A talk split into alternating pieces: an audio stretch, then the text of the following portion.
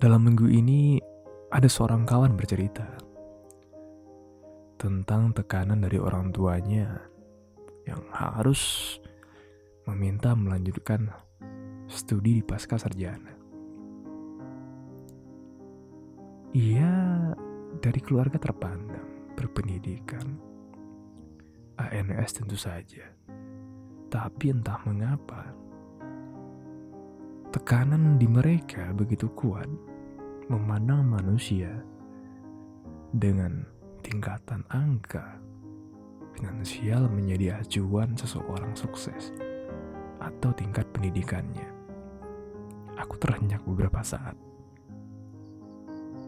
Kenapa masih saja ada keluarga yang dengan pendidikan begitu bagus, ekonomi yang lebih dari cukup, mencoba merendahkan manusia lainnya, memandang dengan strata sosial, seakan mereka jauh lebih baik daripada orang lain. Kemudian ku memandang kedua orang tua kami, bukan dari orang yang terpandang, pendidikan yang bagus, bahkan masih saja terkendala kesulitan pada finansial. Tapi mereka tidak menuntut anaknya untuk menjadi siapa-siapa. Tidak menuntut anaknya dengan target dari standar kehidupan masyarakat pada umumnya.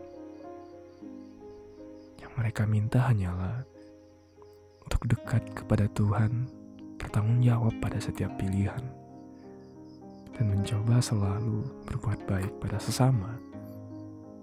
Begitu juga dalam memilih calon pasangan hidup. Bagi mereka yang terpenting pesannya adalah si iman bisa menghormati orang tua dan menghormatimu. Berbeda dengan temanku. Ia dituntut untuk mencari pasangan hidup yang punya gaji dua digit katanya. Kemudian dari keluarga terpandang. Dari tingkat pendidikan yang layak. Standar ini terkadang menyulitkan bagi sebagian orang. Hidup diatur oleh standar-standar yang dibuat.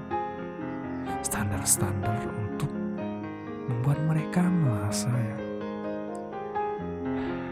merasa layak jadi orang terpandang.